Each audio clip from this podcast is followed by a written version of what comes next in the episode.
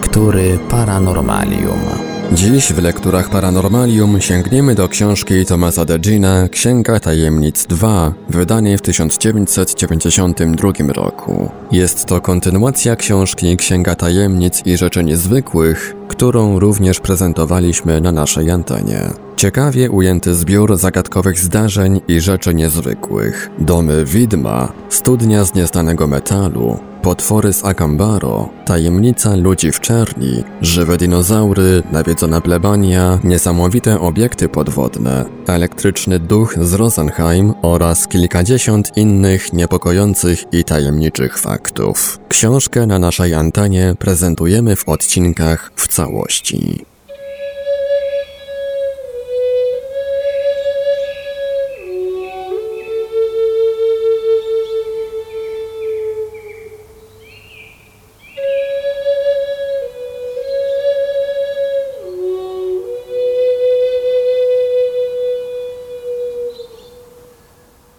Kamienne mury w Peru.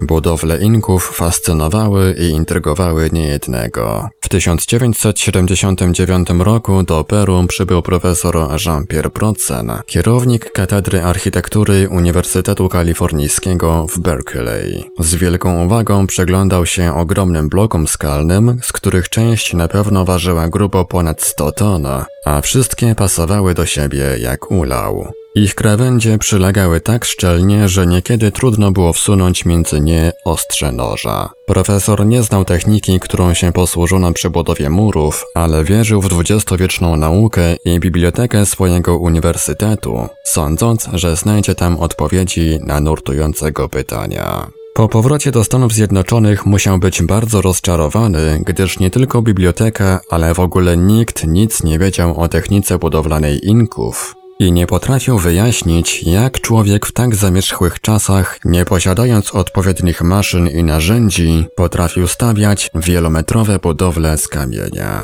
I to bez użycia żadnego spoiwa. Sądząc, że istnieje tylko jedna droga do wyjaśnienia tajemnicy, w 1982 roku profesor ponownie udał się do Peru, aby samemu dochodzić prawdy. Najpierw dokładnie obejrzał imponujące budowle w Cusco, Sacsayhuaman i Ollantaytambo. Następnie dotarł do kamieniołomów, skąd brano budulec. Trudno było nie zadać sobie pytania, jak odbywało się przenoszenie ogromnych bloków. Jedna z dróg, którą musiał odbywać się transport, miała nachylenie 40 stopni i w pewnym miejscu kończyła się 250-metrowym urwiskiem.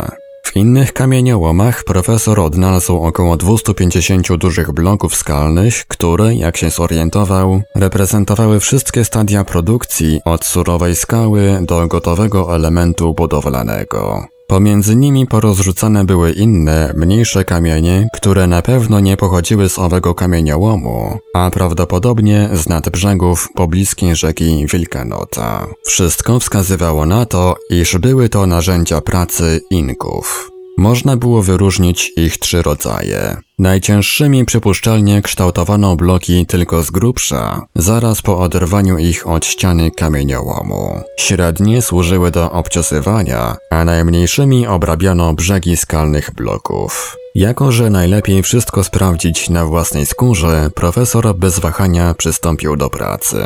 Wybrał jeden z surowych odłamów skalnych i zaledwie sześcioma uderzeniami 4-kilogramowego młotka z kamienia doprowadził blok do stanu rokującego duże nadzieje na końcowy sukces. Mniejszym kamieniem tak długo obciosywał ścianę frontową, aż zrobiła się prawie zupełnie gładka. Półtorej godziny później trzy bloki były gotowe. Ponieważ dzieło profesora było zupełnie podobne do bloków ociosanych przez Inków, można było uznać, że teoria trzech młotków jest co najmniej prawdopodobna. Jednak do pełnego szczęścia, czyli całkowitego rozwiązania zagadki, brakowało odpowiedzi na najważniejsze pytanie. W jaki sposób udawało się Inkom tak dokładnie dopasować wszystkie bloki? Żadne obciosywanie nie mogło przecież dać powierzchni idealnie gładkich. Wszystkie miały górki i dołki, a tamte pasowały do siebie wręcz perfekcyjnie. W tym przypadku profesor znalazł odpowiedź po dokładnym przyjrzeniu się fragmentowi gotowego już muru. Owszem, wszystkie łączenia były nierówne, jakby lekko pokarbowane, lecz powtarzał się jeden schemat. Górne bloki miały wypustki, które wpasowywały się w zagłębienia bloków znajdujących się niżej. Profesor Procen znów postanowił sam sprawdzić zaobserwowaną technikę. Własny blok ustawił na drugim. Oczywiście obydwa w ogóle do siebie nie pasowały. Zaznaczył wtedy falistość dolnego brzegu górnego kamienia na górnym brzegu dolnego i tak długo później go obciosywał, aż otrzymał odpowiedni wzorek. Technika ta to coś w rodzaju zasady zamka i klucza albo popularnej łamigłówki puzzle, z tą różnicą, że w układance peruwiańskiej człowiek sam musi najpierw wykonać pasujące klocki. A więc zagadka cyklopich murów w Peru chyba wreszcie doczekała się rozwiązania. Trochę szkoda.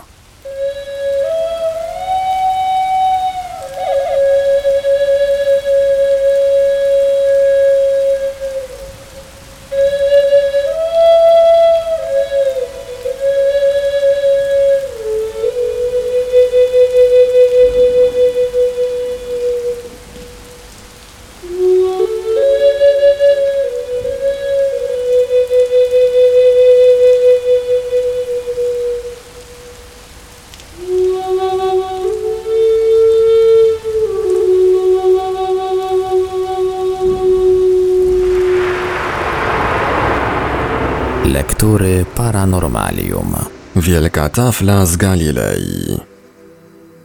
Odkrycie tajemnicy techniki budowania murów przez plemiona Inków powiodło się dzięki dociekliwej naturze badacza i jego krzepkim dłoniom. Zagadkę rozwiązano przeprowadzając eksperyment, który akurat w tym przypadku dał oczekiwany rezultat. Bardzo często jednak prace archeologiczne opierają się na samych wykopaliskach i domysłach na inteligencję. W latach 50. władze lokalne małego miasta Bet Sheorim koło Haify w Izraelu postanowiły wybudować muzeum.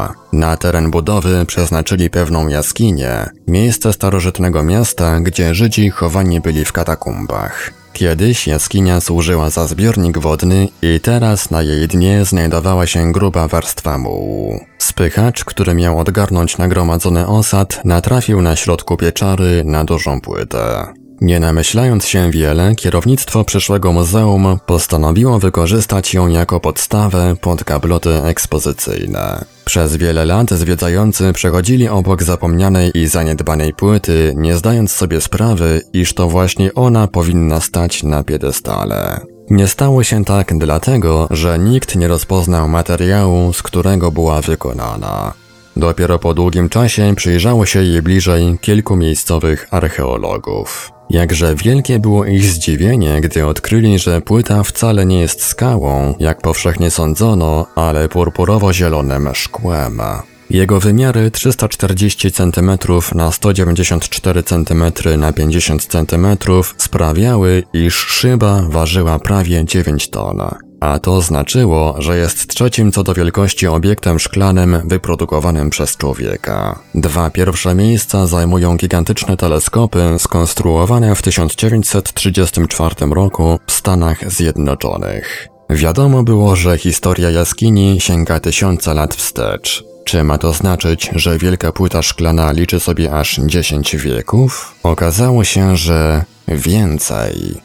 Wkrótce po dokonaniu odkrycia w 1964 roku wezwano grupę amerykańskich ekspertów, aby dokładniej zbadali materiał, z którego wykonano tajemniczy obiekt. Przy użyciu odpowiedniego sprzętu pobrano próbkę uwidaczniającą przekrój poprzeczny kolosa. Nie było żadnych wątpliwości. W jaskini znajdowała się ogromna szklana tafla. Skąd się tam wzięła, kto ją zrobił, kiedy i po co? Na te pytanie nie potrafiono odpowiedzieć. Trudno było sobie również wyobrazić, jak ją zrobiono. Albowiem produkcja 9 ton szkła wymagałaby użycia około 11 ton surowca, który przez kilkanaście dni należałoby utrzymywać w temperaturze około 1150 stopni. Czy kogokolwiek stać było na to tysiąc lat temu? Okazało się, że nie tak trudno było ustalić, jak doszło do powstania szkła. Pod taflą znaleziono bowiem szereg kamieni, które kiedyś pokryte były gliną.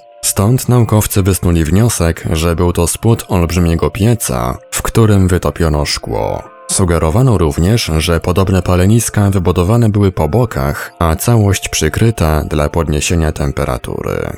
Wszystko więc wskazywało na to, że płyta powstała w miejscu, gdzie obecnie spoczywa. W jakiś czas później archeologowie, którzy pierwsi zajęli się odkopywaniem jaskini, potwierdzili, że wokół płyty pierwotnie znajdowało się wiele kamieni. Prawdopodobnie wiadomo też, dlaczego szkło pozostało w jaskini. Wydaje się bowiem niemożliwe, aby było to celem samym sobie. Analiza przekroju płyty ujawniła, że na dnie pieca nie doszło do prawidłowego stopienia surowca i cała struktura uległa krystalizacji. Z tego powodu szkło zrobiło się mętne, matowe i najpewniej mało przydatne do celu, jakiemu miało służyć. Z powodu takiego wyglądu zewnętrznego sądzono z początku, iż jest to pewien rodzaj skały. Porównując znalezisko z wcześniej odkrytymi na tym terenie przedmiotami ze szkła, naukowcom udało się ustalić, że płyta rzeczywiście jest bardzo stara, gdyż czas jej powstania szacuje się na IV-VII wiek. Nie udało się jednak ustalić, do czego ów szklany gigant miał służyć. Można jedynie snuć rozmaite przypuszczenia. Analiza wykazała, że do szkła dodano związków manganu, aby zmienić jego barwę na purpurową. Mogłoby to sugerować, iż myślano o celach dekoracyjnych. Może zamierzono rozbić płytę na małe kawałki i przekazać je drobnym rzemieślnikom do dalszej obróbki. Może barwiona tafla szklana miała być nowoczesnym elementem architektonicznym. Nie wydaje się, aby można dziś dotrzeć do prawdy sprzed kilkunastu wieków. Naukowcy są bezsilni wobec tak małej ilości danych i ogromu niezwykłości odkrycia. Bez wątpienia jednak należy pochylić czoła przed technicznymi umiejętnościami szklarzy sprzed wielu stuleci, którym trudno byłoby znaleźć w dzisiejszych czasach godną konkurencję. Wiele tajemnic minionych epok pozostanie na zawsze bez jednoznacznych odpowiedzi. Naukowe sekrety starożytnych cywilizacji nie są zapisane w żadnych podręcznikach. Przykład chińskich kotwic znalezionych u wybrzeży Kalifornii pokazuje, jak szybko potrafimy zapomnieć techniki, które były w użyciu jeszcze 100 lat wcześniej. Niektóre zagadki przeszłości można rozwiązać drogą eksperymentów, inne metodą dedukcji i przypuszczeń. Trzeba jednak zdawać sobie sprawę, że prawda o starożytnych kulturach umarła wraz z ich twórcami. W ten sposób właśnie rodzą się tajemnice, legendy i niewyjaśnione odkrycia. Kamienne mury Inków, szklana płyta w Izraelu i grobowce w Chinach milczały przez tak wiele stuleci, że nic nie wskazuje na to, aby miały przemówić do człowieka XX wieku.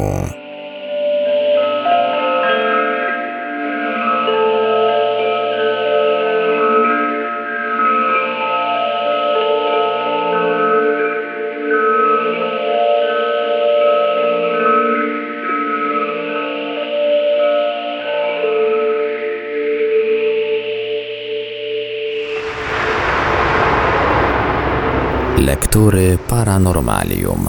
Zagadka chińskich kotwic. Osiągnięcia starożytnych Chińczyków można naturalnie znaleźć w Chinach, ale także na południowym wybrzeżu Kalifornii, gdyż i tam odkryto tajemnicze przedmioty należące do ich kultury. W 1973 roku amerykańska wyprawa geologiczna kierowana przez Rolanda von Huena wyłowiła z dna Oceanu Spokojnego dziwny kamień z dziurą w środku. Już pierwsze oględziny nie pozostawiły żadnych wątpliwości. Obiekt został wykonany przez człowieka i to za pomocą odpowiednich narzędzi. Z powodu owego otworu wyglądał jak pączek wiedeński, a raczej jego nowsza odmiana, czyli donat. Na jego powierzchni znajdowały się związki manganu, co wskazywało na wielowiekowe przebywanie w wodach oceanu. Znalezienie kamienia w wodzie rzadko staje się tematem pierwszych stron gazet, ale tym razem świat naukowy został niezwykle poruszony. Tym bardziej, że dwa lata później nastąpiło kolejne odkrycie. Dwaj nurkowie odnaleźli w okolicach półwyspu Palos Verdes na głębokości około 5 metrów ponad 20 podobnych kamieni. Wszystkie posiadały w środku otwory i miały pokaźną masę. Początku nie wiadomo było, kto je wykonał, po co i dlaczego znajdowano je na dnie oceanu, a nie na przykład na lądzie. Pierwszą i chyba trafną próbą odpowiedzi była hipoteza, iż kamienie są prymitywnymi kotwicami. Wcześniej znajdowano podobne w Morzu Śródziemnym. Żeglarze mieli na pokładzie ciężki kamień lub kilka, w zależności od wielkości łodzi, z uprzednio wytrążonym na wylot otworem. W tym miejscu przewiązywali linę połączoną z żaglowcem i gdy chcieli zatrzymać się na morzu lub przycumować do nadbrzeża, po prostu wyrzucali kamień za burtę. Nie byłoby więc nic nadzwyczajnego w odkryciu kamiennych kotwic w okolicach Kalifornii, gdyby nie to, że naukowcy przypuszczali, iż pochodzą one z chińskich żaglowców, które przybyły do Ameryki wiele wieków przed Kolumbem.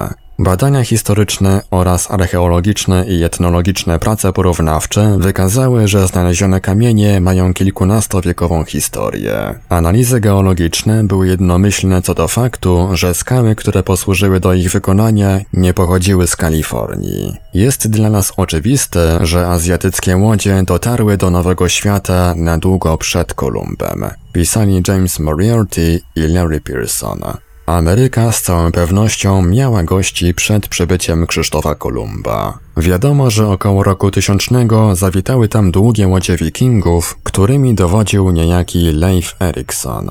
Twierdzenia, że pierwszymi odkrywcami nowego kontynentu byli Chińczycy, związane są z historią dynastii Liang, której rozkwit przypada na lata 502 do 557. Właśnie w 502 roku pewien mnich zwany Huishen przybył na dwór cesarza Wu Ti i zdał relację z wyprawy do wspaniałego kraju Fusang. Według nieustraszonego żeglarza w habicie znajdował się on 20 tysięcy li, czyli około 10 500 kilometrów na wschód od wybrzeża Chin. Niektórzy badacze, szczególnie w połowie XIX wieku, dopatrzyli się w relacji Huishena wielu podobieństw między Fusang i Ameryką. Z tych jakże mizernych dowodów zrodził się pogląd, że Chińczycy są prawdziwymi odkrywcami kontynentu amerykańskiego. Teoria ta utrzymywała się przez wiele lat i przeżyła nawet głośną w swoim czasie krytykę holenderskiego naukowca z Uniwersytetu w Leiden, Gustafa Schlingela. Twierdził on, że skoro Huishen wyolbrzymił nieco cuda, jakie widział, pisał o drzewach morwowych wysokich na 30 tysięcy metrów i dwumetrowych jedwabnikach, prawdopodobnie przesadził również w odległości dzielącej Fusang od Chin.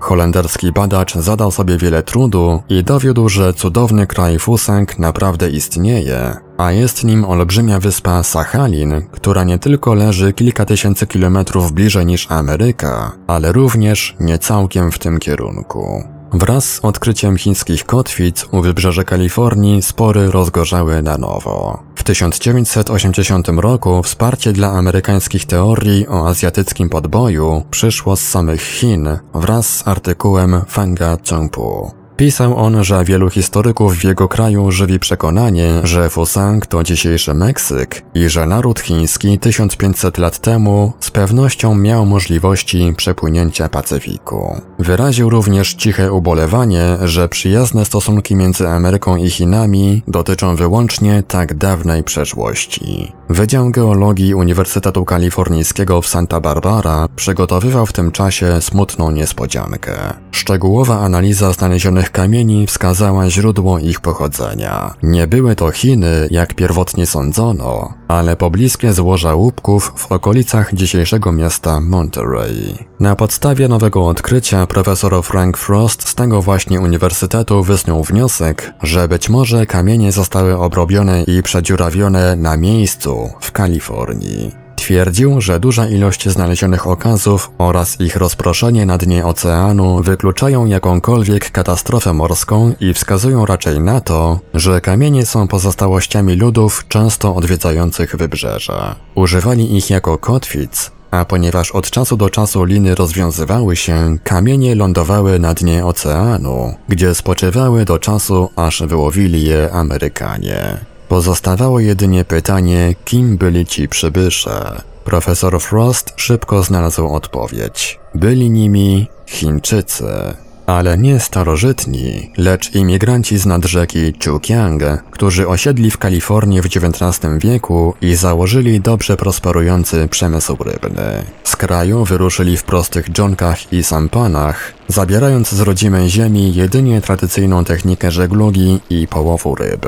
Prawdopodobnie posługiwali się kotwicami, jakich używali już ich praojcowie, czyli kamieniami z przywiązanymi przez wydrążony otwór linami. Wydaje się, że na wybrzeżu kalifornijskim nie było innej nacji, która miałaby potrzebę użycia skał spod Monterey i przetransportowania ich w miejsce, gdzie obecnie je znaleziono. Mimo, że argumenty profesora Frosta wydają się racjonalne i przekonujące, dziwi nieco fakt, że tak szybko puszczono w niepamięć analiza związków manganu, których osady na kamieniach miały świadczyć, iż te przeleżały w wodzie znacznie więcej niż około 100 lat. Zagadka chińskich kotwic do dziś nie doczekała się jednoznacznej odpowiedzi. Chińscy rybacy z Kalifornii wymarli wraz ze swoimi tajemnicami żeglugi i połowów. Pozostaje jedynie żałować, że późniejsi osadnicy byli bardziej zainteresowani wykluczeniem Chińczyków z interesu niż badaniem ich metod i sposobów pracy,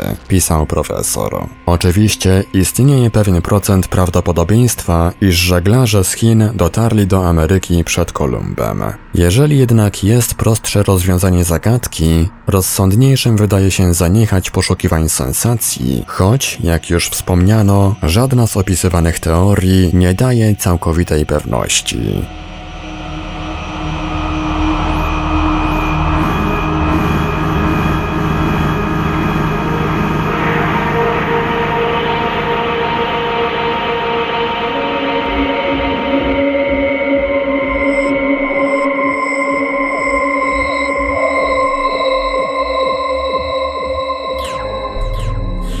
Radiu Paranormalium zaprezentowaliśmy fragment książki Tomasa Degina Księga Tajemnic 2. Dalszy ciąg w kolejnym odcinku Lektur Paranormalium. Archiwalne odcinki Lektur Paranormalium znajdziesz do pobrania w archiwum naszego radia na stronie www.paranormalium.pl.